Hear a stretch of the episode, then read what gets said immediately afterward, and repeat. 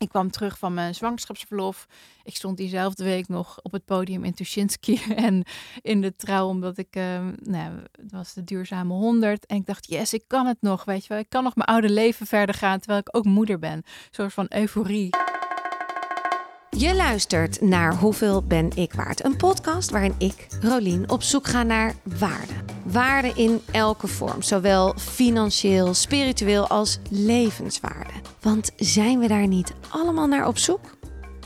In deze aflevering ga ik in gesprek met Freke van Nimwegen. Freke en ik kennen elkaar een beetje uit onze eigen inner circle. In 2012 stonden we te dansen op Lowlands. We hebben namelijk gemeenschappelijke vrienden. Misschien is dat wel mijn leukste Lowlands ooit. Nou, samen met die van 2013, want toen leerde ik mijn grote liefde Ruben kennen. We zijn elkaar altijd blijven volgen, maar de laatste maanden kruisen onze wegen steeds ietsje vaker. We lopen een beetje hetzelfde pad. Ik ga met haar in gesprek omdat het pad dat zij nu is ingeslagen helemaal nieuw is en ik dat enorm bewonder. Ze volgt haar hart en haar eigen intuïtie. En dat is precies wat ik wil leren.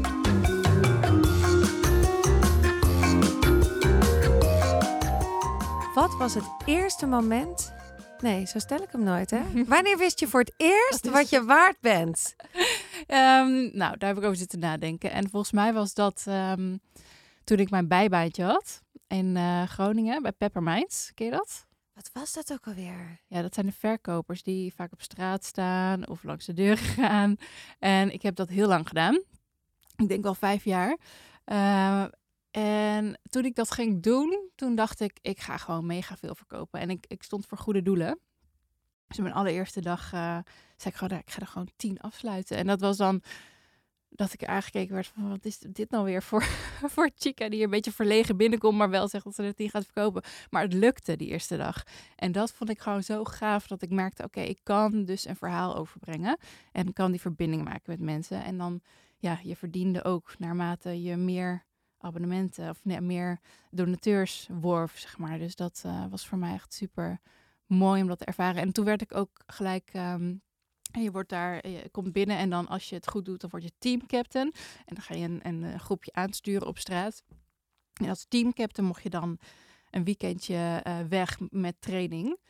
En tijdens die training leerde ik over doorbraakdenken. Dat is eigenlijk hetzelfde als omdenken. Dus heel erg die nou ja, positieve mindset en uh, alles wat te maken heeft met gewoon ja, je mindset veranderen. Dus van van iets negatiefs omzetten naar iets positiefs. Dus dat, toen ervoer ik de kracht daarvan. En dat je dus heel veel zelf in de hand hebt. Wat leuk! En ook dat je die cursus kreeg dan van ja, zo'n Peppermind. 20 jaar, ja. Ja. Super waardevol. Ja, dat heb je dus, dat neem je nu nog eigenlijk nog steeds mee. Ja.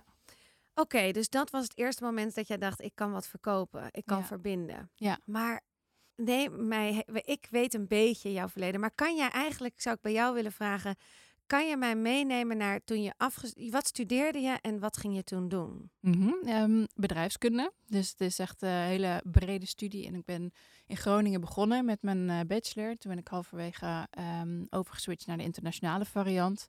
Omdat ik het leuk vond om te reizen. Dus toen ook een tijdje in Hongkong gestudeerd en veel gereisd tijdens mijn studietijd. En uiteindelijk ben ik in uh, Amsterdam beland voor een stage eerst. Het was een marketingstage bij een groot cosmetica bedrijf. En um, gedacht, dit is niet wat ik wil. Dus, um, Want waarom was het het niet? Wat vond je er niet leuk aan? Nou, het was ja, niet zozeer dat ik het werk... Nou, het werk vond ik gewoon niet boeiend genoeg. Of ik dacht gewoon, wat is nou de zin van, wat is nou de zin van dat ik nog meer mascara's ga verkopen? Um, dus meer, ik merkte hoe belangrijk zingeving voor mij is in mijn werk. Dus dat ik het gevoel heb, ik draag iets bij of ik doe iets waar ik helemaal achter sta. En uh, wel alsnog de master hier in Amsterdam gaan doen. De International Business Master. Hierachter uh, zitten we vlakbij. En um, dus ik bleef een beetje wel op die, dat bedrijfspad. Ik dacht ook, ik vind het wel heel fijn als het uh, snel gaat. Als er veel gebeurt. Als er ja, veel dynamiek is. En um, toen kwam duurzaamheid erbij. Ik dacht, ja, hier sta ik helemaal achter. Dit is ook hoe ik ben opgevoed met ja, goed zijn voor de wereld. En... Um, ja, zuinigheid en niet verspillen. En ik, ja, ik ben, uh, ben daarop afgestudeerd. Dus meer, het was, um, nou, de thesis was, ging echt over corporate social responsibility. Hoe sta je als bedrijf in de wereld en hoe communiceer je daarover? Um, toen kwam ik in aanraking met een uh, studiegenootje die bij Ahold een stage deed, bij uh, Albert Heijn. En die zei van, joh, ze hebben ook traineeships waarbij er ook een plekje is op de duurzaamheidsafdeling. Nou ja, dat was een beetje het begin van mijn carrière. En ondertussen heel vaak verkoopbaantjes gehad. Of, uh, en ook tussendoor nog een eerste baan als verkoop gehad. Maar dit was echt waar ik helemaal warm van werd. Er zijn echt 700 sollicitanten bij die traineeships. Dus ik was onwijs dankbaar dat ik daar binnenkwam. Ja, maar hoe, hoe gaat dat dan? Jij, jij hoorde dus van een vriendinnetje, er is hier een plek. Ja. Je bent dan gaan solliciteren? Ja, en dan ga je op assessment. Dat was een tweedaags assessment waarbij je dus persoonlijkheidstesten doet, maar ook ja, in een groepje opdrachten gaat doen, case studies. En dan kijken er allemaal managers mee en volgens mij ook psychologen dit toen, al, toen nog. Um, en we zaten daar dus echt twee nachten, dus inclusief uh, een overnachting en uh, super intens. Ja. En dan, en dan hoor je ineens, ik, jij bent het geworden van de 700. Ja, nee, daarvoor is al een hele test. Dus er gaat dan eerst gaat er een ronde motivatiebrieven, dan gaat er een ronde intelligentietesten en persoonlijkheidstesten. Ja. En dan kom je daar op die assessment. Er zijn er volgens mij nog, uh, nou wat was er, twintig over. Uh, en daarvan viel er nog de helft af, zoiets. En uh, ik kwam terug in Amsterdam. En toen werd ik al gebeld van je bent door. Nou super, super, super gaaf natuurlijk. Dat is echt zo tof als je dan denkt, yes, hier heb ik het voor gedaan. Dat keiharde uh, ja, stages lopen en um, ja. studie. En dan zit je bij Ahold in Zaandam. Ja, nou, ik zat eigenlijk uh, eerst jaar op, uh, hier op de Pit Heikade in Amsterdam. Daar hadden ze toen nog een kantoor op het uh, Corporate Center. Dus dat was het globale, zeg maar, het um, Global Headquarters. En daar zat ik op de, nou hoe heet dat, Responsible Retailing afdeling. Waarbij ja, onderwerpen als verspilling, duurzaamheid, maar ook gezondheid um, besproken werd en daar de strategie voor uitgezet werd. Ja. Dus een hele, hele strategische baan. Want is, uiteindelijk is de business natuurlijk de winkels, Albert Heijn en alle andere merken die ze dan uh, over heel de wereld hebben. Um, en op het hoofdkantoor werd dan de strategie uh, neergezet. En dat was gelijk ook waar ik in het begin van dacht, dit is super cool. En uiteindelijk daar ook wel echt mijn energie juist van, uh, ja, mee van weglekte. Ja. Omdat het zo vaag blijft. Het is gewoon heel erg mooi om te bedenken, dit is de strategie. Maar dan, weet je wel, wat gaan we dan doen om daar te komen? En dat Ja. ligt niet in jouw handen dan. Nee, dan, dat, dat kan je niet meer mee bemoeien. Nee. Dat gebeurt weer ergens anders. Ja, en dat is dan wel wat ik heel leuk vond. Ik ging dan wel met de mensen praten. Bijvoorbeeld, ik had verspilling, was mijn onderwerp, en eh, eh, verpakkingen, dus minder plastic. En dan ging ik praten met eh, de category managers, die dat dan bepalen van wat voor verpakking er om de producten heen komt in, in Albert Heijn. Dus dat was heel tof. En dan, dan kon ik laten zien, dit is de, de map die we hebben uitgezet als strategie. Dus hier moeten we naartoe. Eh, dus jij kan die verpakking nu veranderen naar nou, dat, Ja. dat wat duurzamer is. En dan moest je hopen dat het ook ging gebeuren. Er was niet, hè, dat gaat inmiddels wel echt anders hoor, maar uiteindelijk, toen nog, werden die category managers puur en alleen afgerekend op de cijfers. En dan kwam ik daar gewoon als groentje zo van, ja, ik ben van de duurzaamheidsafdeling en ik heb net ja, strategie met mijn manager neergezet. En dat is dat we minder verpakking of minder plastic willen. Dus dat duurde echt mega lang voordat Ja. dat dan ook echt gebeurde. Was dat niet soms ook demotiverend dat je dacht, nou, la- dit is een speld op een hooiberg, gaat niet lukken? Ja, nou, het ging maar in ieder geval veel te traag. Ja, Dus ook al ging het wel lukken, en dat was iedereen, hè, je, bij elke baan is dit, maar ik denk vooral wel gewoon die strategische baan die dan iets gedaan wil krijgen in de operatie. Het gaat gewoon heel langzaam in zo'n enorm bedrijf. Het is een soort van enorme tanker die je dan bij moet gaan sturen. Eh, dus sommige dingen waar we het toen al over hadden, dat was 2012, die worden nu doorgevoerd. En dat is niet omdat het echt al die tijd dat dat een proces is geweest, maar er was dus toen niet genoeg draagvlak. En dan ligt het op de plank. We weten allemaal dat moet gebeuren, maar er zijn ook nog honderd andere projecten die moeten gebeuren. En dan nu een keer, ja, valt het kwartje en uh, denken ze, oké, ja. gaan het nu echt doorvoeren. En is het ook niet stiekem bij Ahold zo dat het toch uiteindelijk altijd om de cijfers draait? Mm, nee, ja, nou, kijk, het is een, een beursgenoteerd bedrijf. Dus ja, uiteindelijk, uh, maar ook beursgenoteerde bedrijven hebben aandeelhouders die veranderen. Dus de wereld is aan het veranderen. Aandeelhouders die snappen ook dat we in een andere wereld leven dan, uh, dan zoveel jaar geleden. We moeten gewoon duurzamere keuzes gaan maken. Dus en diegene die um, die het geld hebben of die, die de aandelen eh, hebben, die gaan nu ook sturen op duurzaamheid. Ja. En dan gaat het veranderen. Maar uiteindelijk, ja, het blijft natuurlijk mega belangrijk dat die cijfers in eerste instantie goed zijn, want anders heb je geen, heb je geen bedrijf om Ja. iets, eh, iets mee te doen. Maar ik denk wel dat dat eh, langzamerhand beter wordt, maar uiteindelijk, eh nee, tuurlijk. Cijfers. Cijfers, ja. En hoe waren jouw cijfers in die tijd? Wat verdiende je als een trainee bij Ahold? In 2012 zeg jij, hè? 2012, ja, toen ik binnenkwam, even denken, dat was denk ik tegen de eh 3000 euro aan. Dus bruto. Bruto. Ja. Dat is heel goed voor een Ja. traineeship, Ja, toch? tuurlijk. Ja, voor Ja. een starter is dat heel goed. Ja. Ja. En hoe, hoe lang zat jij daar dan? Wat was jouw, wat was het verloop? Ehm, eh, hoe de jaren eruit ja, nou, hoe, hoe- ja, hoe zag het eruit dan inderdaad? Was, was het zes maanden zo'n zo'n Nee, traineeship? twee jaar. Twee. Oh, Dus- twee Ja. jaar is dat echt? Ja, waarbij je een eh, opleidingsprogramma krijgt. Dus het is ook nog eh, één jaar, ehm, nou eigenlijk twee jaar leiderschapstraining. Met heel veel toffe ja, trainingen en met een groep trainees waarbij je begint. Eh, maak je ja, ook een super gaaf tijd om met een, een groep starters, om zulke dingen, om echt gewoon te gaan prikken van hé, wat zit er bij jou en hoe kun je jezelf ontwikkelen. Dat was mega tof. Eén jaar op hoofdkantoor, dus één jaar die duurzaamheidsfunctie en één jaar in de winkel als assistent supermarktmanager. Hoe vond je dat? Op de werkvloer van Ahold? Ja, niet eh, zeg maar mega leerzaam en ook zo niet voor mij. Nee. nee, ja, het was, het was echt. Ik was denk ik 26 toen ik eh, in de winkel stond. En dan heb je in één keer de verantwoordelijkheid over een winkel met 200 man eh, onder je. En dat doe je natuurlijk samen met de manager. Maar nou, er, ging bij mij, er gebeurden wel dingen waarbij ik dacht van ja, ik heb nu verantwoordelijkheid die ik eigenlijk helemaal niet nu wil hebben. Ehm, en toen voelde ik het al wel, maar wou ik het nog niet weten, is dat ik eigenlijk geen manager ben. Dus eh, toen dacht ik nog van nee, ik, ben, ik wil echt die manager worden en daar heel hard gewoon ook voor gaan werken. En daar heel hard eh, mijn best voor doen om mensen mee te nemen, om ze op te leiden. Maar in die end, en daar ben ik eigenlijk afgelopen jaar heel erg achter gekomen, dat is gewoon niet mijn pad. Nee. Dus, ehm, ja, maar Geen manager. geen manager, nee. En toen? Ja, ehm, nou, in dat winkeljaar, toen zag ik met eigen ogen ook het onderwerp waar ik mee bezig was geweest. Dus die verspilling in de winkel. En ik dacht, nou, dit is gewoon te bizar voor woorden dat we een strategie hebben. Maar tegelijkertijd gebeurt dit op de winkelvloer. En er zijn daadwerkelijk oplossingen. Eh, maar het is helemaal niet zo makkelijk als dat ik dacht. Dus het was ook dat, dat ik zag, hey, het is niet alleen maar kwade wil of zo. Of dat er niet genoeg prioriteit is. Het is gewoon best wel lastig om dit gaan aanpakken. Omdat er dus in één winkel al eh 200 mensen kunnen werken die allemaal dan meegenomen moeten worden in een verandering van een proces. Dus om maar concreet te maken, je hebt eh, producten die niet meer verkocht kunnen worden om diverse redenen. Verpakking die kapot is, of een netje sinaasappel zit een verkeerde in, of een brood van enig oud.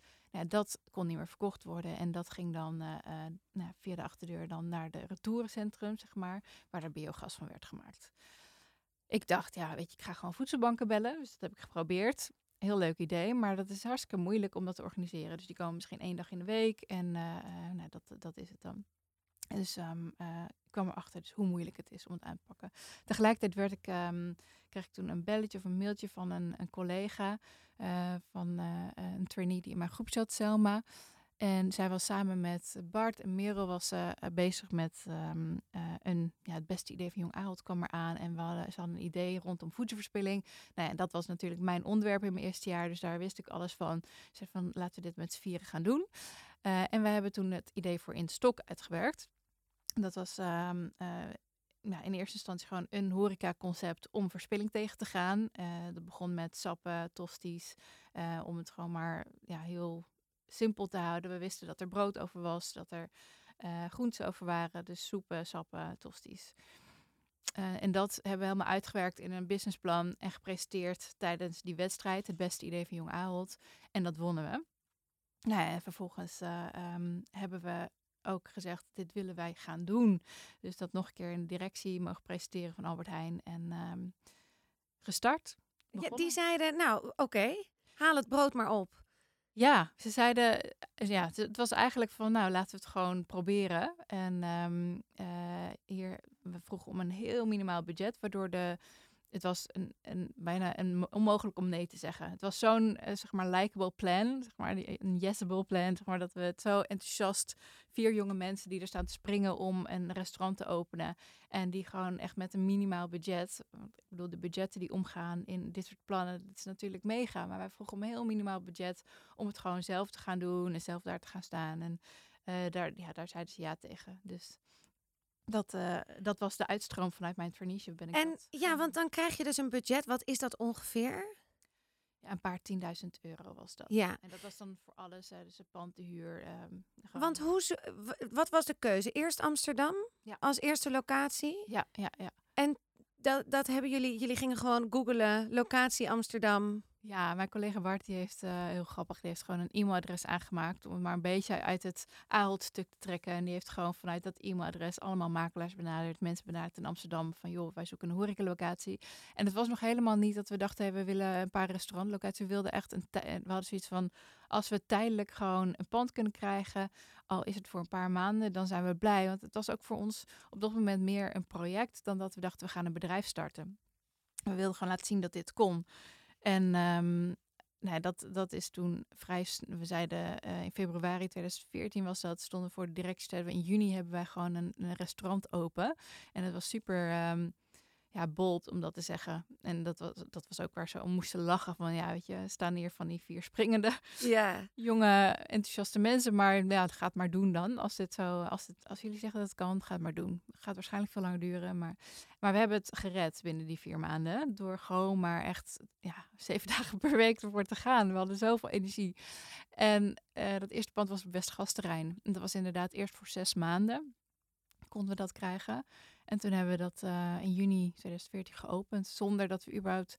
Het ging, nou, het ging echt gewoon, uh, uh, gewoon maar beginnen. We hadden allemaal nog geen restaurant gehad. Bart was de enige met horeca-ervaring vanuit een opleiding. Dus je had hoge hotelschool gedaan. En verder dachten we gewoon van we gaan het gewoon, we gaan het gewoon doen. Ja. Dus, um, en je had dus ook connecties bij de Ahold Amsterdam of de Albert Heijn. Ja. Door te zeggen, hoi, wij zijn in stok. Wij mogen via de achter, achterkant heel veel oud brood meenemen. Ja. En alle spullen die jullie over hebben. Ja. En het ging gewoon... En dat ging, ja. ja. En de eerste dag open, hoe, hoe was dat? Stonden er mensen voor de deur? Hadden jullie het verspreid in Amsterdam van jongens, wij beginnen een restaurant? Ja, ja we, hadden, we hadden twee soort van testavonden. Dat was mega spannend, want we hadden... Uh, wat ik al zei, het is heel snel gegaan. Dus toen wij de eerste keer open gingen als soort van um, uh, openingsfeestje voor de mensen in onze eigen kring, hadden we überhaupt nog geen bestek en nog geen chef. Dus wij zijn gewoon begonnen en we hebben een, uh, iemand uit ons netwerk hebben laten koken. We hebben fingerfood gedaan om maar te ervaren hoe het was om mensen daar te hebben en om het verhaal te vertellen. En die tweede keer hadden we, um, nou dan, dan net wel bestek, denk ik. Maar toen we als restaurant voor het grote publiek open gingen, hadden we nog steeds geen chef. Dus dat was ook, ja, dat. Um, de grootste les waar ik nu nog steeds gebruik van maak, is gewoon beginnen en, uh, en maar gaan.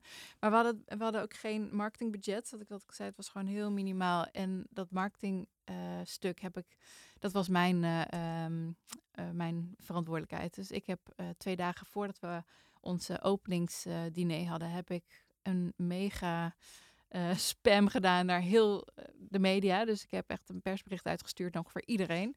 En daar is toen heel veel respons op gekomen. Dus op de dag dat wij open gingen, zat ik in Radio 1 voor een interview. En de Volkskrant kwam langs. En RTL Boulevard een week later. Echt alle, alle media hebben we gezien. En die bleven ook komen. Dus het was ook niet eenmalig. Ze zijn gewoon heel erg aangehaakt op het verhaal. Dat was ook de tijdsgeest, denk ik. Dat, uh, dat mensen begonnen te beseffen, hey, duurzaamheid, ja. voedselverspilling, dat gaat hand in hand. En als we beter voor het klimaat willen zijn, dan moeten we ook minder eten gaan verspillen. Um, dus ja. En het kan dus ook lekker eten zijn, ook al ziet het er niet zo mooi uit. Ja, dat was, dat was toen ook echt. Uh, uh, dat verhaal heb ik, nou, ik denk wel honderdduizend keer verteld. Dat voedselverspilling niet gelijk staat aan schimmel en vies. Dus dat, dat was het, het hele uh, storytelling van mensen meenemen in hoe groot het probleem is. Dat het dus gaat om echt knijterverse paprika's, die ook gewoon bij de boer verspild al worden. Of uh, uh, ja, dus eigenlijk al één stapje verder. Want wat ik zag in de supermarkt, dat was veel. Maar dat was echt, echt het, het puntje van de ijsberg. Echt, al, echt het allerkleinste deel eigenlijk in de hele keten. Het grootste gedeelte gebeurt bij de mensen thuis en bij de producent voordat het überhaupt in de winkel komt. Ja. Ja, dus, dat is dan ook een bizarre reis, hè? Inderdaad. Hoe, ja. Dat ze daar al zoveel weg worden gegooid. Omdat ze Ja. niet mooi zijn of goed zijn. Ja, Ja. of omdat er gewoon te veel is. Of Ja. omdat het te veel is. Ja. Ja. Ja, nu met die aardappelen ook hè, in de coronatijd. Moesten we gewoon eigenlijk veel meer patat hebben gegeten. Want Ja, al die festivals. ja, al die festivals gingen niet door. Niks. Er was restaurants die dicht waren en geen patat konden. Oh, Ja, het is heel raar hoe dat werkt. Maar je, we, weten het. We zien, ik zie er nooit iets van. nee. Ik weet het niet. Ik probeer er wel inderdaad zelf op te letten, maar het is wel lastig. Ja. Dus, eh, maar hoe ging jouw reis met in stok? Want dat liep fantastisch. Ja. Oh man, het was echt een eh, rollercoaster. Die eerste eh, jaren, we hebben in anderhalf jaar tijd hebben we drie restaurants geopend. Dus dat ging gewoon als een speer. We hebben het eerste jaar als pop-up op het Westergas ehm, alles geleerd. En toen vervolgens het toegepast op onze definitieve locatie op de Tsaar Peterstraat, hier om de hoek. En dat, ehm, dat was onze eerste locatie waar we zeven dagen per week ontbijt, lunch, diner gingen doen. En toen hebben we vervolgens in Den Haag en Utrecht een eh, restaurant geopend. Die eh, afgelopen coronatijd weer, eh, weer zijn gesloten. Ja. Maar hier in Amsterdam ja, is nog steeds ons restaurant. Of nou ja, niet meer mijn restaurant, maar inmiddels Ja. Want jij bent gestopt. Ja. Na een x aantal jaar. ja, zeker. Want nog heel even één stap terug. Jullie waren wel inmiddels los van Ahold en jullie eigen onderneming. Ja, dat was ook een heel proces aan zich. Maar we hadden, eh, omdat we dus eerst het meer zagen als een project, een stichting opgericht. En dat was dan eh, ehm, van waaruit we eigenlijk helemaal zelf in stok konden opbouwen. Dus we hadden wel die vrijheid en die verantwoordelijkheid. We waren bestuur van de stichting. Maar nog steeds die eh, link met Albert Heijn, omdat zij ons ehm, hebben blijven steunen door ons salaris door te betalen. Dus dat Ja. was een hele fijne, veilige manier om te leren ondernemen. Mega gaaf en luxe. En tegelijkertijd heeft het natuurlijk hun ook heel veel opgeleverd door eh, ja, de ervaring van verspilling tegengaan en die restaurants en een nieuw bedrijf opstarten vanuit zo'n grote corporate. Dus het was een mooie wisselwerking. Alleen op een gegeven moment wordt het ingewikkeld. Ehm, en wat is nou de band? Eh, zitten wij in een team? Nee, niet dus. Maar Ja. wie is dan toch verantwoordelijk voor ons? Dus dat werd ingewikkeld. Dus toen was het of erin of eruit.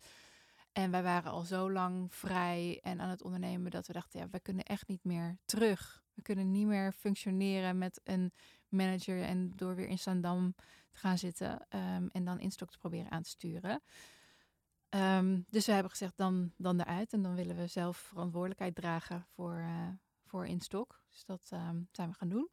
Met z'n vieren. Met z'n drieën. Dus Met we z'n zijn drieën vieren uiteindelijk. begonnen, inmiddels na een jaar gestopt. En met z'n drieën hebben we het eigenlijk eh, grootste gedeelte van de tijd gedaan. Ja. En hoe voelde dat? Want toen had je op een gegeven moment geen salaris meer van Ahold, maar Mhm. was je ineens een echte ZZP'er, ondernemer, horeca, mede-eigenaar. Dat is wel Ja. anders. Ja, ja, ja, dan ben je in één keer horeca-ondernemer. En ook wel met verantwoordelijkheid qua geld lijkt mij wel Ja. spannend. Ja, nou precies, dat. Het was, ehm, dus eigenlijk ben je dan directeur groot aandeelhouder heet dat. Dus we hadden, wij waren met z'n drieën eigenaar van de BV in Stok.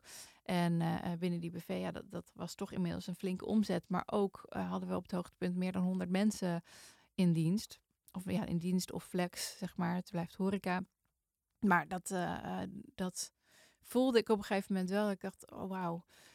Eh, er zijn heel veel mensen die gewoon, ja, hun salaris is afhankelijk van ons. Maar ook ehm, merkte ik zelf dus dat ik steeds minder energie kreeg van het aansturen van mensen. Dus ik vond het fantastisch om het bedrijf op te bouwen, om het merk op te bouwen in stok. Ik heb ehm, eh, twee kookboeken uitgegeven. Ik heb eh, samen met Selma dan die, die productlijn opgezet met biertjes en met granola. Het is allemaal super gave dingen. Alleen het stukje aansturen. En dat is toch wanneer je een bedrijf hebt en wil groeien. Ja, dan moet je er op een gegeven moment zelf uit die operatie en dan gaan aansturen. Ik merkte dat ik daar dus in het begin heel veel energie van kreeg. Het eerste stukje overdragen, het kennisoverdracht. En dan vervolgens, ik dacht van nou, nu loopt het. En dan hoopte ik dat mensen gewoon zelf hun ding gingen doen. En dat is natuurlijk niet hoe het werkt.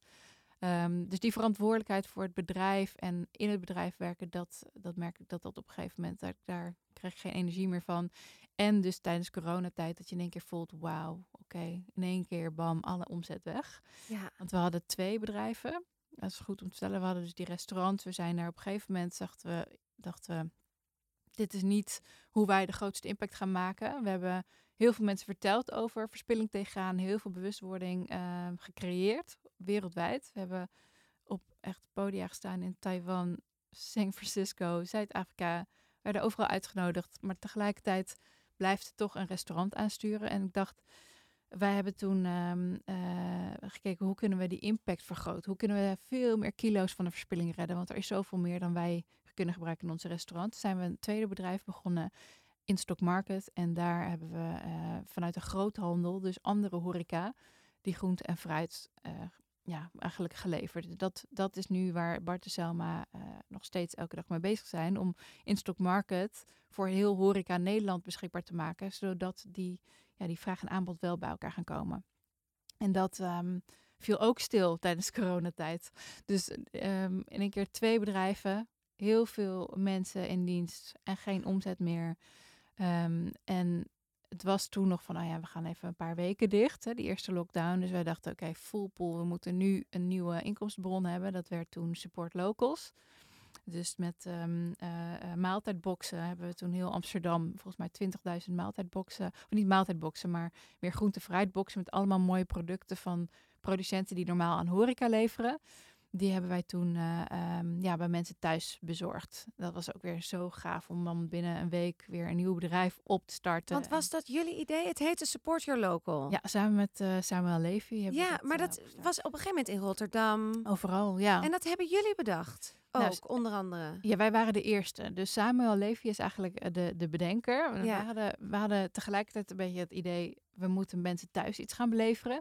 Nou, Samuel kennen we al, al jaren. Hij, is, uh, hij heeft dan onder andere Brand, Brand en Levy. Ja. En kombucha, kombucha hebben zij, inmiddels, ja. ja. En hij belde uh, ons van... jongens, we moeten iets gaan doen. En, uh, en toen noemde hij dus van laten we met een aantal ondernemers... die dus hetzelfde probleem hebben...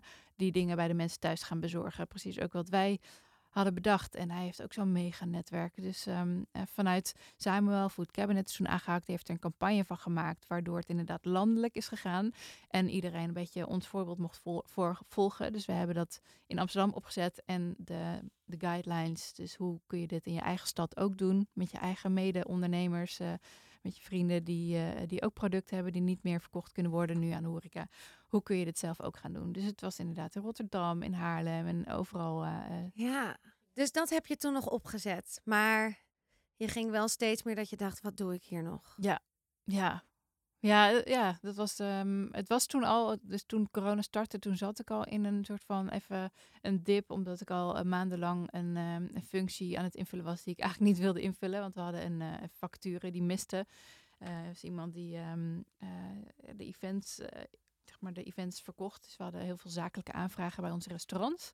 Um, zakelijke groepen en privé-diners. Dat deden we dan in een aparte ruimte in ons restaurant. Hadden we een accountmanager opzetten en die ging weg. Dus daardoor ja, moest ik dat gat even vullen. En dat deed ik een aantal maanden, dus veel te lang eigenlijk. Uh, dus daar was ik net mee klaar. Er ging net iemand op beginnen en toen kwam corona. Toen dacht ik, ja, er, er gaat misschien altijd wel iets zijn. En het blijft zo'n operationeel bedrijf en je blijft de eindverantwoordelijke. En ja, eigenlijk ook de toekomst voor wat ik zou gaan doen, dan was dan vooral die groothandel groot maken. En daar moest dan vooral, uh, uiteindelijk moet je gewoon uh, marketing sales daar gaan doen. En waar ik warm van word, is, is iets, zeg maar, een missie uitdragen en het verhaal vertellen en mensen wat leren. Um, dat ging ik me steeds meer realiseren, dat daar mijn uh, energie vandaan kwam. Ja, en hoe ga je dat dan aanpakken? Want dan moet je dus om de tafel ja. met twee mensen waar je, waar je een relatie, zo een huwelijk mee hebt. Ja, ja, ja. En gewoon echt hele goede vrienden ook mee bent. Dus we, je bent, ja, we, sliepen een soort van bij elkaar op de kamer ongeveer als we samen ergens naartoe gingen. En um, uh, ja, dat ging ook al echt met. Uh, ja, vond ik heel moeilijk om te vertellen. En het was ook oké, want het was voor hun ook dat ze. Het komt niet het was niet van de een op de andere dag besloten. Zij voelde ook al een paar maanden dat het niet, niet, niet meer met dezelfde energie ging. Ja. En uiteindelijk was het een bedrijf die op dat moment enorm onder druk stond met de inkomsten die een keer weg waren gevallen. Uh, ja, en onze drie salarissen werden er ook uit uitbetaald. Dus wat dat betreft was het ook een makkelijk besluit om dan te zeggen van ja, haal mijn salaris dan dan dat dat er in ieder geval uitgaat. Ja. Dan kun je met z'n tweeën verder. En dan ook met, als je er dan een marketeer of een sales iemand er weer bij doet, dat dat iemand is die er vol energie ja. weer tegenaan gaat. En die kan dan betaald worden. Ja. Ja. Ja, en speelt het ook mee? Want jij bent een, ongeveer een van de eerste die ik spreek die ook kinderen heeft. Mm -hmm. Want speelde het, jij hebt inmiddels twee dochters. Ja, ja. Hoe oud zijn ze nu? Vier en uh, negen maanden. Vier en negen maanden. Ja, want speelde dat ook een beetje mee dat je dacht, Ja, ja. De druk. Ja. Altijd werken. Ja, nou, het was dat, eh, zeg maar, wat, wat bij mij vooral een eye-opener was, is dat mijn eh, oudste dochter. Ik kwam terug van mijn zwangerschapsverlof. Ik stond diezelfde week nog op het podium in Tuschinski en in de trouw, omdat ik, eh, nou, het was de duurzame 100. En ik dacht, yes, ik kan het nog, weet je wel. Ik kan nog mijn oude leven verder gaan, terwijl ik ook moeder ben. Een soort van euforie. En dat je dan ook inderdaad op die oude voet verder gaat, fulltime werken en dan die kleine thuis. En eh, dat ehm, ging eigenlijk, dus ik, ik vond het heerlijk om eh, eh, die zwangerschapsverlof zo van haar genoten. En ook het werk vond ik weer fantastisch, want die muren kwamen op me af. Alleen dat combineren, ja, het gewoon allebei niet goed doen. Eh, veel, ik hoor veel mensen dat, veel moeders dat zeggen. Het is gewoon allebei net niet. En dat je je constant schuldig voelde. Ik werkte in een bedrijf waar ik de enige moeder was. Dus er was geen andere vrouw die even zei van... ja, tuurlijk ga je naar huis als je kind ziek is. Of ga je om half vijf naar huis omdat ze nou eenmaal naar bed moet straks. Dan sla ik, sla, sla ik vanavond weer mijn laptop open, open prima. Maar dat was heel, eh, eh, ja, wel een, eh, een moeilijke combi. Maar wat vooral voor mij lastig werd, was dat mijn dochtertje toen zij ouder was, dus ongeveer één jaar, dat zij gewoon ja, mij ja, liet zien, mij zo'n e- enorme spiegel voorhield. Van dit is niet oké wat je aan het doen bent. Kom maar even weer landen. Even met die benen op de grond en uit dat hoofd. En die ging gewoon heel boos doen. die was gewoon heel boos op mij. En dat heeft echt wel, ehm, nou, wel een jaar geduurd. Dat ze vooral papa wilde. En dat ze gewoon zei, nee mama, mama werken.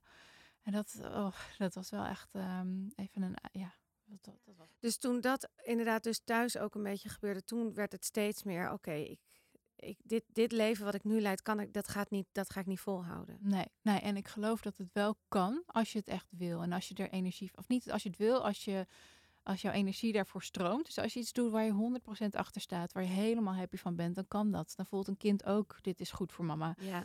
Maar het was niet goed voor me, want het was gewoon, eh, het was niet mijn, het was niet mijn weg meer. En dat, ehm, op een gegeven moment ben ik in aanraking gekomen met een, een coach die, ehm, het heet een, een eh, nou, hoe heet het, fluisterkindcoach en eh, werkt met de methode Present Child. Super interessant. Ik weet niet of je het kent, maar het is eh, eigenlijk de theorie is dat een kind alles wat een kind doet aan een heftige emotie, dat is de spiegel. Dus eh, wat je eigenlijk zelf mag aankijken. En bij mij kwam eruit dat er heel veel eh, boosheid in zat. Ik, ik ben niet boos, maar dat dat eigenlijk gewoon dat kind van vroeger, waar ik dus eigenlijk al heel lang niet naar om had gekeken, en daar heb jij het ook eerder in podcast over gehad, dat daar nog heel veel boosheid zat en ook niet, niet gezien voelen en niet gehoord voelen. En dat ik ja, dat eventjes van haar terugkreeg. En op het moment dat ik dat ging aankijken en mijn eigen proces aanging en dus meer die kwetsbare vrouwelijke kant ging omarmen, meer op mijn intuïtie ging varen, toen was het goed. Dus eh, we zijn echt dikke vrienden. Maar- ja? Ja, Maar hoe heb jij dat dan aangepast? Want ze, ge- aangepakt? Want ze heeft jou geconfronteerd en toen dacht je dus meteen ook, ik moet in stok een beetje los gaan laten. Of ik ga die gesprekken met hun aan. En je bent dus een soort zielspad op gaan lopen. Ja, dat is echt stap voor stap gegaan. Want eh, eh, ik weet nog dat ik bij die coach dus zat, dat, die, die spiegel, dus die met die present child methode. En dat ik daar met heel veel weerstand zat. Omdat ik dacht van, ja, maar jij gaat me nu vertellen dat mijn leven zo niet meer kan. Dus, en ik moet er gewoon kunnen werken. Ik bedoel, al, al die vrouwen doen dit toch? Gewoon moeder zijn en fulltime werken. En hoe, hoe, waarom zou ik dat niet kunnen? En eh, heel erg in de weerstand. Want ik vond het ook fantastisch wat ik deed tegelijkertijd. Ik bedoel, het was ook een soort van mijn ide- identiteit geworden. Dat we eh, ja, inderdaad een, een heel tof bedrijf hadden neergezet met eh, een verhaal wat mensen graag willen horen. En dat wilde ik helemaal niet kwijt. Dus dat, eh, dat was toen de eerste keer dat, dat ik eigenlijk soort van al een, dat er een zaadje werd geplant van dit is, dit is misschien toch niet ehm, wat het is voor jou. En dat wilde ik toen eigenlijk nog niet zien. Toen vervolgens in 2000, dat was 2019, 2020, werd mijn moeder ziek. Dat was ook weer zo'n moment dat ik eh, weer even dat proces ingeduwd werd. Ehm, en dat was voor mij een reden om ayahuasca te gaan doen. Om, Werd je uitgenodigd door ayahuasca? Dat zeggen Ja. ze toch? Dat je uitgenodigd Ja. moet worden? Ja, Hoe ging dat? ja nou ja, ik, ik, had er, ik had er denk ik al vijf jaar eerder van gehoord. En toen dacht ik, ooit ga ik dit doen. Maar toen, ik, eh, toen mijn moeder ziek werd en ik merkte bij mezelf dat mijn reactie op dat zij ziek was niet zozeer was van, oh nee, mijn moeder is ziek, maar het ging veel meer over mij. En ik dacht van, oh mijn god, nu moet ik dus ook nog voor mijn moeder, nu moet ik er ook voor mijn moeder gaan zijn. En dus behalve dat ik daar eigenlijk voor mijn gevoel geen tijd voor had, maar het wel wilde, dus ik wilde er alles aan doen om er voor mijn moeder te zijn, uh, had ik ook nog een soort van uh, die boosheid in mijn systeem. Uh, voor alles, mijn ouders zijn gescheiden, er veel gebeurd. En ik dacht, wat nou als mijn moeder het niet gaat halen? Ik wil niet boos, ik wil niet boos blijven. Dus ik wil die boosheid aan gaan kijken en wat er zit. En ik wil niet de slachtoffer zijn van, van wat er is gebeurd vroeger. Dus en toen wist ik gelijk dat ik ayahuasca moest gaan doen. Dus ja, in die zin, ze zeggen dan dat ayahuasca je roept. En dat, dat was ook zo. Dat voelde ik wel zo, ja. En toen ben je dat gaan doen. En dat was de eerste stap. Ja. Daar, daar werd veel geopend. Ja, ik heb het twee keer gedaan. En de eerste keer was het heel uh, mild en mooi. Want het kan natuurlijk een mega heftige reis zijn. Ik heb ook niet overgegeven wat veel mensen doen. Het was um, vooral dat ik echt weer voelde van wauw, het is allemaal goed. En het is, uh, en dat ging ook toen helemaal niet over mijn moeder, die eerste reis die ik maakte. Het ging veel meer over liefde voelen. Uh, dat ik me geliefd voelde, maar dat ik ook zoveel mooie mensen om me heen had. En dat ik heel veel liefde te geven had, voelde ik. En zoveel dankbaarheid. En dat alles één is. Ja, het is moeilijk om zo'n reis te omschrijven in woorden. Maar het was zo'n um, ja, rust kwam er over me heen. En vervolgens dat ik dacht van ja, mijn intentie was dus om die verbinding met mijn moeder aan te gaan. Nou, dat was niet per se wat ik uithaalde. En toen um, nou, kwam dat proces ging verder dat mijn moeder uh, toen te horen kreeg van je bent terminaal. Nou, ze is er nog steeds. En, uh, dus dat, dat gaat goed. Maar op dat moment dacht ik, oké, ik ben er nog niet. Ik wil, ik wil nog een keer zo'n ceremonie doen. En die was heel heftig. Waarbij ik vooral zien krijg van, joh, je, mag, je, je mag helemaal niet hierover... Je, die boosheid, die komt uit een oordeel. En dat oordeel, dat, ja, je kan niet oordelen over haar pijn of over haar manieren. Ze heeft alles gedaan wat zij in haar macht had om jullie op te laten groeien op de allerbeste manier. En um, nou, dat heeft voor mij heel veel um, uh, ja, begrip, een soort van begrip voor mijn moeder gegeven, waardoor ik ook weer meer rust zelf in mijn eigen systeem kreeg. Ik denk dat als je je ouders, als je een van je ouders veroordeelt en niet hun accepteert voor wat ze zijn, dat dat dan ook altijd een deel in jezelf is wat je blijft veroordelen. Zonder dat je dat misschien bewust doet. Maar ja. Dat is dan ook wel uh, de, de systeemopstellingen, de familieopstellingen, die theorie, die, die, daar geloof ik ook heilig in. Dat op het moment dat je daar niet in je kracht staat, in die fontein, zeg maar, van Elsenstein, dat dat dan, ja, dat, dat je in de weg gaat zitten.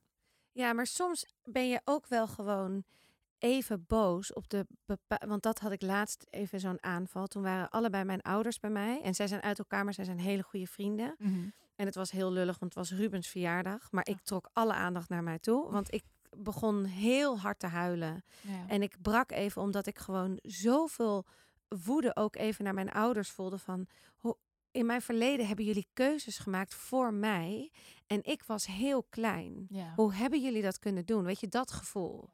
Dat moet toch ook af en toe wel kunnen, die boosheid voelen. Ja, ja maar juist. Toch? Ja, ja, ja. En dat was het. Ik heb dat vroeger weggedrukt. Dus ja. Dus het mag er juist zijn. Dat is ook... Maar je mag het met ze overleggen, zeg maar. Je kan, want ze, ze reageerden heel positief ook hoor. Van, dit is oké, weet je. En ze hebben me alleen maar getroost. En ja. het was helemaal goed. Ja. Nou, ik heb het er niet met ze over gehad. En dat hoeft voor mij ook niet. Omdat het voor hun weer op een hele andere manier is ervaren. En zij hadden toen hun eigen ellende. Um, dus dat is ook wel eh, op het moment dat je zelf die boosheid toelaat en het gewoon, het gewoon laat zijn. Dus ik heb eigenlijk ehm, het gewoon geaccepteerd dat het er was. En uh, ook wel, uh, ik denk dat daar ook nog steeds een reis te gaan is. Maar um, we hebben ook vorig jaar op tijdloos emotional release workshop gedaan. Waarbij je kaart moest gaan uh, schoppen op een kussen en schreeuwen. Nee, dat was gewoon eventjes een uurtje tussendoor. Maar ik merkte dat dat ook gewoon al zoveel voor je doet. Om het gewoon even eruit te laten. Dat doen kinderen natuurlijk ook. Die gooien het er gelijk uit. En je hebt dan langzamerhand geleerd van, nee, dat, dat mag er niet zijn. Of ja. dat wegdrukken. En dat is genoeg. Als je het er gewoon weer, gewoon weer laat zijn. Ja, ik voel dat ook wel eens. Dat er zit nog zoveel verkramping in, in. Het is energie die eruit mag. Ja. En dat is uh, super interessant dat ayahuasca dat op dezelfde manier eigenlijk doet als bijvoorbeeld dat zo'n meditatie of uh, hypnosis of ademwerk. Dat zijn allemaal manieren om die energie gewoon weer te laten stromen, om dat uit te laten gaan. En dat ehm, ja, dat maakt dus niet uit op wat voor manier het is, als het er maar weer uit gaat. Want dat, dat, dat zijn een soort van blokkades Ja. die er dan uit mogen. Ja, absoluut. En daardoor, ik, ik denk ook door die blokkades, doordat je je verkrampt voelt, komen ook die negatieve gevoelens bijvoorbeeld, of komen de overtuigingen. Weet je, dat het heeft gewoon allemaal met elkaar te maken. Het, het stroomt allemaal door elkaar, of het stroomt dus niet. Ja, Waardoor het allemaal krampt. Maar jij bent eh, nu. ik moet er ook een beetje om lachen, omdat het gewoon eh, iets. Jij, ga, jij, gaat iets, jij bent iets gaan doen nu. Ja, Jij hebt dit, bent dit hele ayahuasca het pad gaan lopen. En nu heb jij een nieuwe carrière. En ik vind het echt fantastisch. Mm. Eh, maar zou je me er alles over willen vertellen? Ja, ja, waar beginnen we?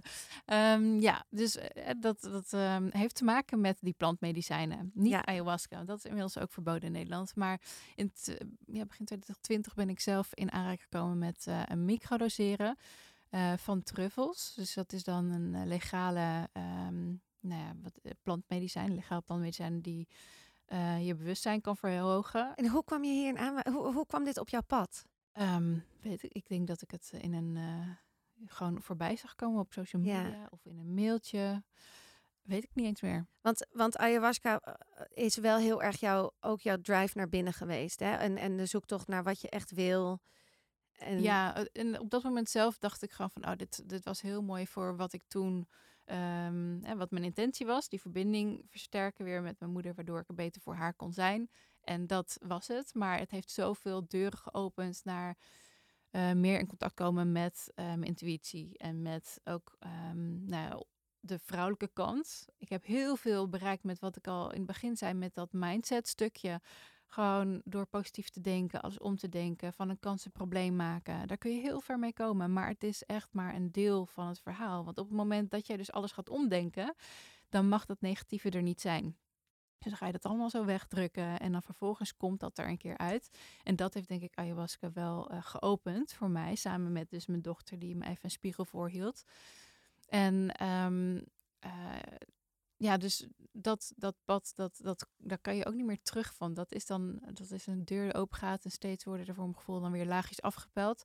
En microdoseren was voor mij een hele mooie manier om het meer in mijn leven te gaan integreren. Want ik wilde heel graag die twee kanten laten samensmelten. Wat ik dan had gevoeld in zo'n ayahuasca-ceremonie en eh, wat ik eh, in de, connectie met mijn dochter voelde, maar wat ik niet zozeer in mijn zakelijk leven mee kon nemen, of mijn zakelijk, ja, mijn instokleven eigenlijk. Ik had ook een vriendinnetje ehm, die ik heb ontmoet tien jaar geleden bij een meditatiecursus, die in, bij mij kwam werken, die mij had vervangen tijdens mijn zwangerschapsverlof en vervolgens bleef werken.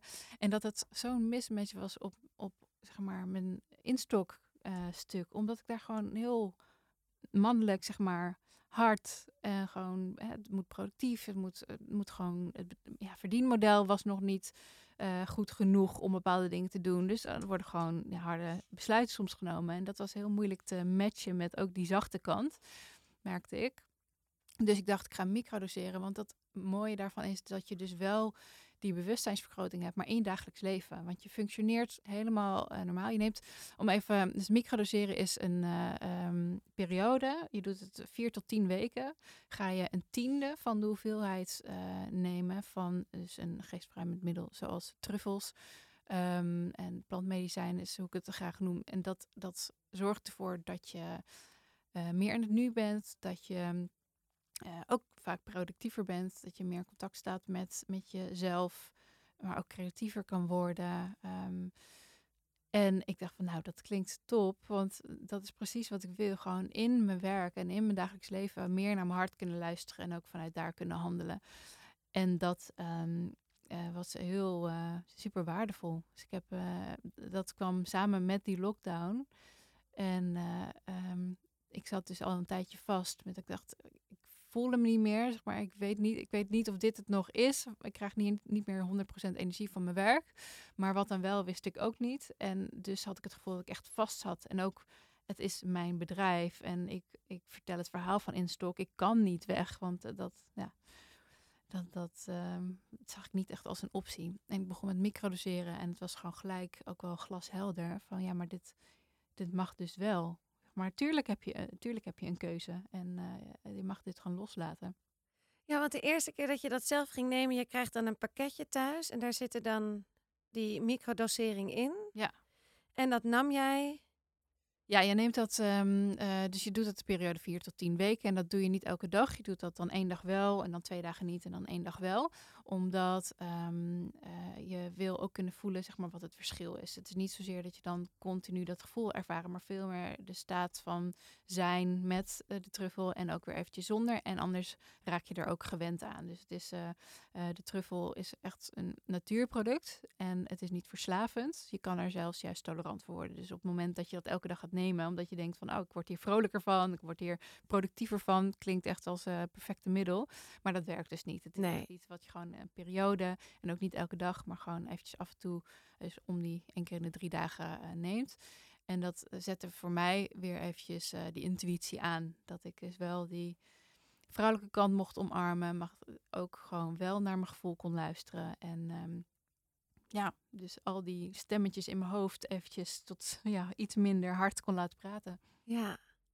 Oh, ik, ik vind dit heel grappig klinken. Ik, het is natuurlijk ook steeds meer, ook door die documentaire op Netflix. En je hoort het steeds meer mensen hierover. Ja, En steeds meer dat het inderdaad is niet verslavend. Het is nog legaal. Eh, het is heel therapeutisch dus ook. Dus het, het, komt, het komt steeds meer, kom ik het overal tegen. Maar jij wil er nu echt je... Jij bent er echt in gaan verdiepen. Je weet er nu veel van af. Je Ja. werkt samen met een boer, ja ik noem het de truffelboer. Maar de truffelboer. Ja, het is Ja. de grootste, de grootste truffelkweker van, eh, van de wereld. Die, eh, die is in Nederland. eh, hij is 80 jaar en hij doet het nog elke dag met plezier. Hij heeft een hele professionele ja, kwekerij. En jij, bent, eh, jij hebt hem opgebeld en je zei: Mag ik alsjeblieft een keer langskomen Ja. om die truffel te zien van jou? Precies. En ja. dat, mocht, jij mocht langskomen. Ja, heel graag. Ja, het is echt zo'n. Ik, ik kom natuurlijk uit de foodwereld, waarbij ik heel veel eh, telers, kwekers en producenten ben ik langs gegaan. En dat zijn altijd eh, hele bescheiden mensen die gewoon leven voor hun product, die alles weten erover en daar gewoon echt urenlang over kunnen praten. Eh, maar ook mensen die dat niet graag op een podium vertellen. En toen ik bij hem was, toen voelde ik het ook weer dat ik dacht van, eh, want eh, dit voedselverspillingsstuk bij al die telers, dat je denkt van jullie zien dit elke dag, maar je, je weet niet wat het podium, zeg maar, welk podium je moet betreden om aan de klokkenluiderbel, zeg maar, om die, die bel te luiden. En datzelfde gevoel had ik een beetje bij hem, dat ik daar kwam en hij, hij had zo'n verhaal. Hij, hij zei ook, ik wil hier, ik zei, je moet een boek schrijven. En toen zei eh, zijn dochter, een familiebedrijf, zei van, eh, oh nee, toen zei hij, dat ga ik ook doen als ik gepensioneerd ben. Toen moest zijn dochter lachen en eh, hij zegt, ik zeg van, hoe oud ben je dan? Hij was 80 jaar, terwijl hij er echt eh, 20 jaar jonger uitzag. Maar dat, dat vond ik echt zo'n ehm, inspirerende man. Hij vertelde over wat hij allemaal had meegemaakt. In 95 had hij het bedrijf opgericht. Eh, toen nog de paddenstoelen ook legaal waren. En eh, op een gegeven moment eh, is die hele beweging ontstaan van therapieën, dus ceremonies waar hij steeds meer mee ging doen. Maar werd wel de paddenstoel illegaal. Dus eh, vanwege incident, dat, dat, ja, weet je, paddenstoeltruffels. Ik zeg, het is gewoon iets wat je echt wel verantwoord moet gebruiken. Vooral als je het in een grote dosis doet en er een trip mee doet. Kan het gewoon als je het in een verkeerde setting of met een verkeerde verwachting of verkeerde gemoedstoestand doet, dan kan het gevaarlijk zijn. Eh, en dat heeft ervoor gezorgd dat het illegaal is geworden. Omdat er gewoon geen controle. Ja, het is of controleren of illegaal. En ze hebben voor illegaal eh, maken gekozen toen. Hij heeft een rechtszaak tegen de, zaak tegen de eh, staat aangespannen, verloren. Maar toen zei de minister wel tegen hem van ja, je hebt zeg maar, we gaan jou geen vergoeding bieden aan je bedrijf, omdat je al lang had kunnen overschakelen naar de truffel. En toen ging er bij hem een lichtje branden van, oh, de truffel mag wel. Oké, dan, dan ben ik blij, want mijn missie is gewoon om mensen, ja, om dit aan de wereld ehm, te brengen. Die truffel, die, die kan zo helend werken, die kan mensen zoveel inzichten geven. Dit is wat de wereld nodig heeft. Dus laat mij dan maar mijn hele bedrijf omgooien en van paddenstoelen naar truffels gaan, als ik maar mijn missie kan, eh, kan doorzetten. Dus ik voelde bij hem weer dat gevoel van, oh, ik wil dit, dit wil ik delen, dat hier zoveel potentie in zit. Maar vooral met dat doel om mensen weer in contact te brengen met zichzelf. Want dat is gewoon waar de maatschappij nu volgens mij behoefte aan heeft. Ja, absoluut. En eh, deze man, doet hij dit zelf ook, die microdosering? Ja, en daarom heeft hij dus, eh, want hij is de enige eh, die het in een soort van ehm, eh, verpakking met kleine hoeveelheden aanbiedt. Super gebruiksvriendelijk. Dus in plaats van dat je een zakje krijgt met 10 gram, dat je dat dan zelf moet gaan afwegen met een uh, mini schaaltje, weegschaaltje, heeft hij dus een verpakking ontwikkeld waar die truffels per 1 gram verpakt zitten. Dus dat is dan een minimale hoeveelheid waar je dus helemaal geen visuele verandering, geen hallucinatie of iets, iets van krijgt, maar wel um, ja, die, die, die hartopener, hartopener ja. en, en het productiever uh, voelen. En dat, uh, um, um, uh, dat, die verpakking heeft hij nu, ik weet niet precies wanneer hij het op de markt heeft gebracht, maar daardoor heeft microdosering ook een vlucht genomen. Omdat mensen dus heel erg met de hand worden, ja, bij de hand worden genomen van dit is hoe het heel makkelijk kan. Ja. En hoe ga jij samenwerken met hem? Wat is jouw plan? Ja, mijn plan is om. Eh, mijn product wordt niet zozeer die truffel. Ik wil mensen gewoon weer dat, uh, dat stukje wat ik afgelopen jaren heb ervaren, weer die verbinding laten voelen en meer naar eigen intuïtie kunnen laten luisteren. Um, en de truffel is daar een hele mooie manier voor. En ik zeg ook echt, het is niet mijn doel om iedereen aan de truffel te helpen, want het is niet voor iedereen. Je moet het voelen van, oké, dit is iets voor mij. En voor een ander kan het weer werken om uh, uh, meditatie of dit ademwerk, wat ik eerder noemde. Dat kan op heel veel manieren, maar dit is voor mij heel erg helpend geweest. Dus ik zou dit graag, um, mijn, mijn product wat ik wil aanbieden, is dat ik mensen ga begeleiden om dit op een goede manier te doen. Ik heb dat zelf ook op die manier leren kennen. Dus in een groep waarbij je begeleid wordt en waarbij iemand gewoon met je meekijkt van heb je de juiste dosering en wat doet het voor je en wat voor lessen kun je eruit halen, wat voor inzichten. En als je het zonder begeleiding doet, kan het ook mooi zijn. Maar met die begeleiding erbij, daardoor heb ik zoveel inzichten kunnen krijgen die ook blijvend waren. Dus na uh, die twee maanden dat ik het deed, was ik er ook klaar mee. Want het zet een soort van vergrootglas op je eigen mm, systeem. Dus op je, ook wel op je emoties en op je gedachten. Dat je een soort van als een helikopter view in één keer naar je eigen gedachten en emoties gaat kijken. Dat is super vermoeiend. Het, het geeft heel veel, maar het kan ook als je dat, dat moet je niet heel lang willen doen. Uh, maar door die begeleiding kon ik ook heel veel inzichten uithalen wat blijvend was, waardoor ik er ja, van bleef profiteren. Dus dat, die begeleiding ga ik nu zelf uh, ook geven in een online programma. Um, zes weken lang, waarbij mensen dan de truffels thuisgestuurd krijgen. En ik ga in uh, ja, een soort van videoreeks dan alles vertellen over hoe je er het meeste uit kan halen, hoe je juiste dosering gaat vinden, maar ook die, die lessen erbij die kunnen helpen om dan die inzichten te krijgen. Dus uh, van ja, wat, hoe ga je dat dan? Uh, hoe ga je dan naar die eigen emoties kijken? En, ja. ja. Hoe reageerde jouw omgeving toen jij dit even voor, want niemand ziet jou natuurlijk, maar zoals ik jou ken, nou ja, ik ken je niet heel goed, maar wij hebben een keertje samen Lowlands uh, gedaan, al meerdere keren, maar jij was de tweede keer dat ik je zag, volgens mij was je, zitten we in hetzelfde kamp, maar was jij met een vriendinnetje. Ja. En de eerste keer was eigenlijk het allerleukst. Was mijn eerste Lowlands. ja. Ja, dat was Toch? Leuk. dat was echt fantastisch, hè? Tien jaar, ik denk dat dat nu tien jaar geleden is. Bij 2012, ja. Ja, ja. Ja, was echt geniaal. Maar um, ik weet toen nog wel, is dat jij, jij, je, jij komt heel rustig over. Ja. Je ziet er ook heel netjes, dat hoor je denk ik wel vaak, maar je ziet er gewoon heel, je zou heel corporate kunnen zijn. Ja, diplomatiek hoor ik Diplomatiek, ja. ja. je hebt een, je hebt een soort iets om je heen. Ja. Zo. Mm -hmm.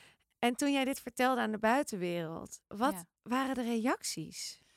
Ja, um, wel grote vraagtekens. Van welke kant ga jij nou op? En ook um, ja, mensen die, die er ook helemaal niet van af weten, die echt denken van wat? Maar heeft ze echt een soort van verstandsverbijstering. Mensen die iets dicht bij me staan, die zijn gewoon super geïnteresseerd en ook wel enthousiast omdat ze zien wat het met mij heeft gedaan. Um, dus ja, heel wisselend. Ja. maar wel wel ook heel, heel trots dat ik gewoon wel die, dat, de stap neem. Ja. Dat is um, wel mensen die dichtbij staan ook, die hebben gezien dat ik ja, dit laatste jaren best wel vast zat.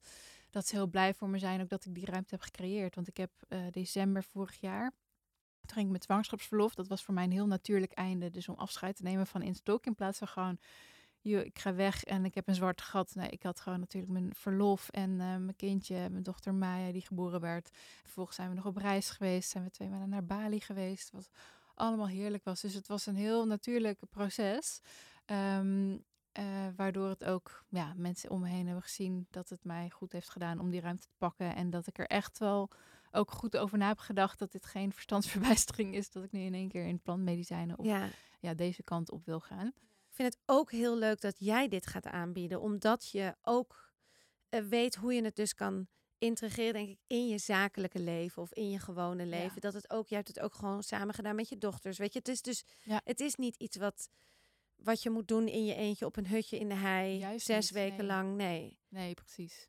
En dat is ook, eh, eh, ik wil het ook uit dat stigma halen. Want het zit heel erg in die spirituele hoek. Nou, en dan heb je ook nog eh, dat er, er zijn natuurlijk heel veel mensen gewoon echt die heel ver weg blij- willen blijven van drugs. Wat ook te reden heeft. Maar dit wil ik heel graag uit die drugshoek halen. En eh, helemaal fijn als je het alsnog niet eh, wilt doen. Dat is echt, het is niet voor iedereen. Maar eh, de oordelen die erop zitten zijn niet altijd terecht. Drugs staat bijna gelijk aan verslavend en eh, raar doen. Maar dit is, eh, het kan je gewoon, het kan echt therapeutisch inderdaad gebruikt worden. Maar het kan je dus ook heel veel gewoon voor persoonlijke groei geven. En wat ik juist zo leuk vind, is om het dus met mensen te doen die, eh, ja, net zoals ik, een, een bedrijf hebben. Die gewoon super ambitieus zijn, maar vooral alle zelfhulp boeken. Eh, ik ben sinds 2012 gewoon altijd geïnteresseerd geweest. eh, toen ik begon met werken in in boeken als Stephen Covey en persoonlijke ontwikkeling en managementboeken en eh, alles gelezen. En op een gegeven moment dan ben je er gewoon bijna zat van dat je denkt, ja, maar ik weet alles wel en alles lijkt op elkaar. Uiteindelijk komt het allemaal hetzelfde neer. Maar je gaat maar doen. Wel? En hoe kan het dan dat ik het dan toch nog niet al die lessen heb geïntegreerd in mijn leven als ik alles heb gedaan? En toen heb ik zelf gemerkt dat dat komt doordat het gewoon echt in je systeem gevoeld moet worden. Dus weten is echt totaal wat anders dan voelen. Ehm, en dat ik dat heel veel mensen gun die dus zo op dit pad zijn van zelfontwikkeling. Want ja, dat, eh, eh, heel veel mensen hebben daar ook helemaal geen behoefte aan. Maar als je denkt, ik wil gewoon ja, mezelf blijven ontwikkelen. En die zelfontwikkeling die staakt op een gegeven moment. Dan zit dat waarschijnlijk in het weer gaan voelen. Waardoor ja, ineens weer alles wel eh, zijn plekje krijgt. Die puzzelstukjes die je tien jaar geleden in een managementboek hebt gelezen. Of een zelfhulpboek hebt gelezen. Dat het in één keer denkt, oh oké. Ja. Ja. Ja, ik, dit is echt ook heel mooi dat je dit zegt, want dat is het. Ik weet, ik kan het je echt allemaal verklaren. Ik weet waar die boosheid, dat verdriet van mijn ouders vandaan komt. Ik kan het zelfs met ze bespreken. Ja. Maar het voelen en het daardoor echt voor mezelf kunnen doorbreken en het dus anders doen, of het accepteren dat het zo is en het gewoon aankijken en het liefde geven, dat kan ik niet. En daar gaat het elke keer weer fout. Dus Mm. dan denk ik, oh ja, ik, oh, ik ben daar wel. En dan ineens krijg ik weer een klauw, omdat ik denk, nee, want ik voel het niet. Nee. En, Ja. ik, en ik vind het nog, wat ik soms het lastigste vind met dit persoonlijke ontwikkeling, is die overtuiging in je hoofd. Dat, dat de, de ruis, die constant, weet je, die negatieve, dus niet in het nu, eh, of tegen jezelf zeggen, het is allemaal goed, maar dan, het is allemaal goed, maar. Ja. Het is allemaal goed, maar. Eh, Je kan het wel zeggen, maar je voelt het niet. Precies. Ja. Ja, dus truffel kan daar ook een soort rust. Ja, ja wat het, grappige is dus dat er zijn heel veel benaderingen van waarom microdosen, waarom truffels of noem het, want het zijn, eh, het is eigenlijk bekend als eh, psychedelica, psychedelica of de psychedelics. Ehm, dat is eh, ja, waar de, de stigma ook veel op zit door die, eh, die 60s, weet je de hippies. Ehm, maar inmiddels sinds 2008 ongeveer is er een soort van eh, renaissance, zoals ze dat noemen. Michael Pollan, een vooraanstaande journalist uit Amerika, heeft er een boek over geschreven, How to Change the Mind. Er is steeds meer wetenschappelijk onderzoek van wat, doen, wat doet die truffel nou eigenlijk met je hersenen. En dat, ehm, eh, dus wat jij omschrijft vanuit je hoofd en meer in het nu, probeer heel erg te verklaren hoe kan dat dan gebeuren? Wat doen die, die eh, truffels of ayahuasca of al die eh, plantmedicijnen?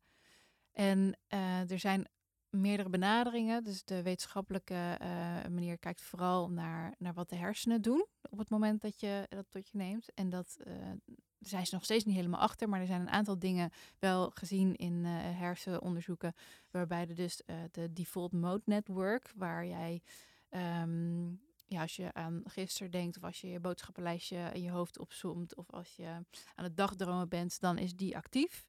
En als je eh, de truffel neemt, dan wordt die minder actief. Dus die ruis die wordt minder. En ze hebben eh, gezien dat er tussen hersengebieden gaan er meer verbindingen komen. Dus die verbindingen, er kunnen zelfs nieuwe verbindingen ontstaan. Dus Ja. dat noemen ze ook neuroplasticiteit. Dus als jij altijd gewoon dezelfde weg belooft, informatie op dezelfde weg, ehm, die, die gaat gewoon van A naar B. En door eh, truffels te nemen kan je in één keer die wegen opgooien. En dat je denkt, hé, hey, ik kan ook rechtsaf of linksaf. Dus als jij bijvoorbeeld eh, continu getriggerd wordt door uh, negatief gedrag. Uh, ik kan bijvoorbeeld heel slecht tegen als mensen negatief doen. Want en dat is een beetje hetzelfde mechanisme bij mezelf. Dat wil ik wegdrukken. Dat, dat hoort er niet zijn. Laten we gewoon lekker vrolijk zijn met z'n allen. Dus dat probeerde ik weg te drukken. En dat uh, triggerde mij. En door dat dan te nemen, kon ik daar in één keer objectiever naar kijken. Van hé, hey, oké, waar komt het dan vandaan? Of het gewoon in ieder geval beslissen hé, hey, maar misschien is iemand gewoon eventjes, heeft iemand even gewoon een bui en dat mag. En zonder een oordeel erop te leggen. Ja. Dat oordeel ging even weg. Ja, mijn reactie is gewoon uh, van um, soort van frustratie als iemand zich zo voelt. Ook als het iemand, als mijn man gewoon even een off day heeft, dan ga ik uit frustratie, een soort van boos me doen, doen nou even gezellig. Terwijl ik ook in de, eh, dat zou ook een ander patroon kunnen zijn, heel erg in de zorgmodus zou kunnen schieten. Maar dat patroon heb ik dan, dan weer niet.